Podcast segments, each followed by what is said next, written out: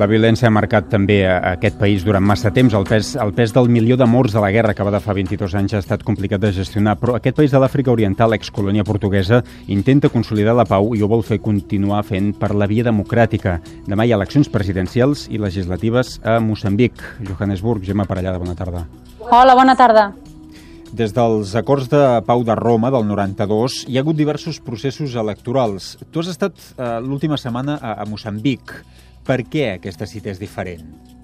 Bé, doncs primer de tot recordar que des de la independència l'any 75 eh, Moçambic ha estat sempre governat pel mateix partit, la Frelimo, que havia sigut el moviment de resistència contra la colonització portuguesa i que des que va aconseguir l'alliberació s'ha poltronat al poder i no ha tingut fins ara cap alternança i no ha tingut cap rival per diverses raons, pel frau a gran escala, per falta d'altres opcions i també perquè, com diuen molts mosambiquenys, la Frelimo s'ha apropiat del país i obliga els funcionaris, per exemple, a ser membres del partit. L'Eric Xaràs, que és fundador del diari opositor La Veritat, no es mossega la llengua. Hi ha una enorme màquina de frau. Al Frelimo l'únic que li preocupa ara és legitimar la seva victòria.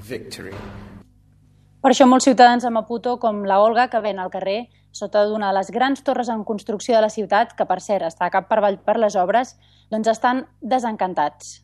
No vou votar. No votaré perquè no en trec cap rendiment, perquè ells ens demanen que votem i ells mengen a través del meu vot. I jo, venent per una misèria, no en tinc ni per alimentar els fills. Ells estan la mar de bé. Jo estic aquí brut al carrer. Però, malgrat tot, els comicis de demà són especials.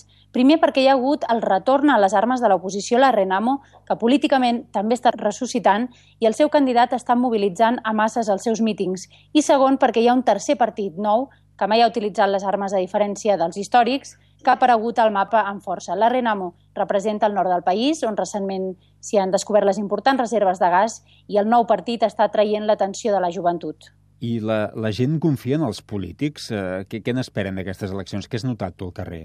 Doncs la gent desitja un canvi, és la paraula que més he sentit tant en oficines com al carrer, però la manera de voler-lo és molt diferent. Alguns volen que hi hagi moviment dins mateix de la Frelimo, és a dir, el canvi de president ja els hi està bé, però que segueixi governant el partit de sempre, perquè molta gent em deia que tenen por del desconegut, que no saben si arriscar-se, ja que també es pot anar encara pitjor. I en canvi d'altres, com l'Àlvaro, un, un estudiant de Sociologia, creuen necessari que es trenqui l'hegemonia. Molta gent vol canviar de règim, però tenen por de dir-ho per por de represàlies. têm medo de dizer.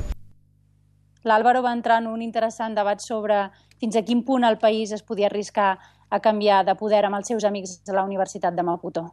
Eh, L'economia de Moçambic va a l'alça, això és evident, però estem parlant d'un país pobríssim, amb la meitat de la població que viu a menys d'un dòlar al dia. Hi ha por d'un augment de la, de la desigualtat? Abans parlaves d'aquell edifici eh, de la venedora davant. Sí, de fet la desigualtat ja està augmentant i això està tensant les cordes. De fet, la Renamo va tornar a agafar les armes i només fa un parell de mesos que han firmat un alto al foc. És sorprenent l'absent que ha estat el conflicte en aquesta campanya electoral i, en canvi, està molt vinculada als contrastos socials cada vegada més severs i també a les importants troballes de petroli al nord del país. Molts oficials es mostren orgullosos del creixement econòmic, els, els preus de lloguers s'han disparat, hi ha grues i obres com dèiem, per tota la capital en una sesgada imatge de progrés, però el flux no arriba a la majoria de la població. Ciutadans com l'Olga han hagut de sortir a la ciutat i el que és pitjor, el govern s'ha endeutat. Els diners estan dominant l'estat actual de Moçambic, no la preocupació per la gent ni per les decisions que es prenen. Ha de decidir si vol que aquest país pateixi la maledicció dels recursos i no anar enlloc, o trobar alguna manera de fer-lo funcionar, que són les opcions del pròxim president. Demà, doncs, eleccions a Moçambic. Ho seguirà la Gemma Parellada. Moltíssimes gràcies, Gemma. Adéu, gràcies, bona tarda.